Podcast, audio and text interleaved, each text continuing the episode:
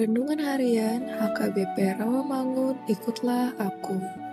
Jumat 18 November 2022 Menjadi saudara di dalam Tuhan.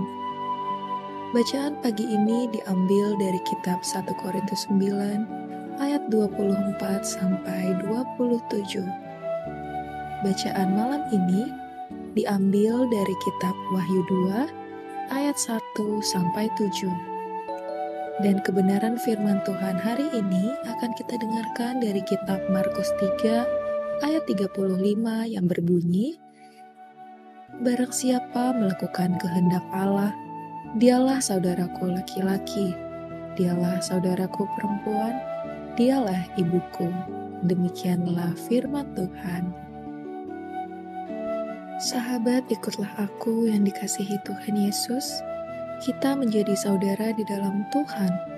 Sebutan saudara biasanya menunjuk pada orang yang memiliki hubungan darah, keluarga, atau kerabat.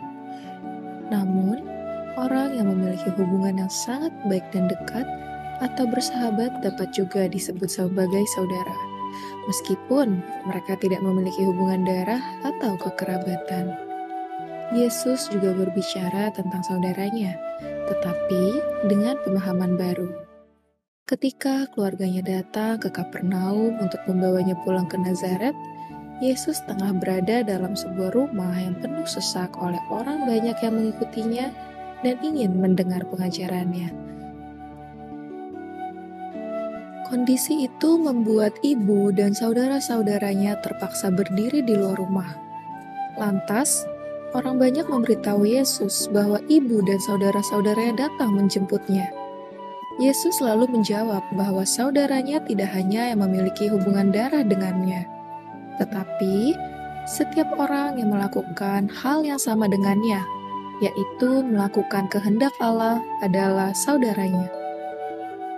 Selama kita menjadi pelaku firman Tuhan, menaati dan menyatakan kehendak Allah dalam hidupnya, maka kita adalah saudara di dalam Kristus. Kita akan menjadi saudara dan satu keluarga besar dalam Tuhan karena iman dan ketaatan kepada kehendaknya. Amin. Marilah kita bersatu di dalam doa. Tuhan, kiranya kami senantiasa menghadirkan kehendak Allah dalam hidup kami.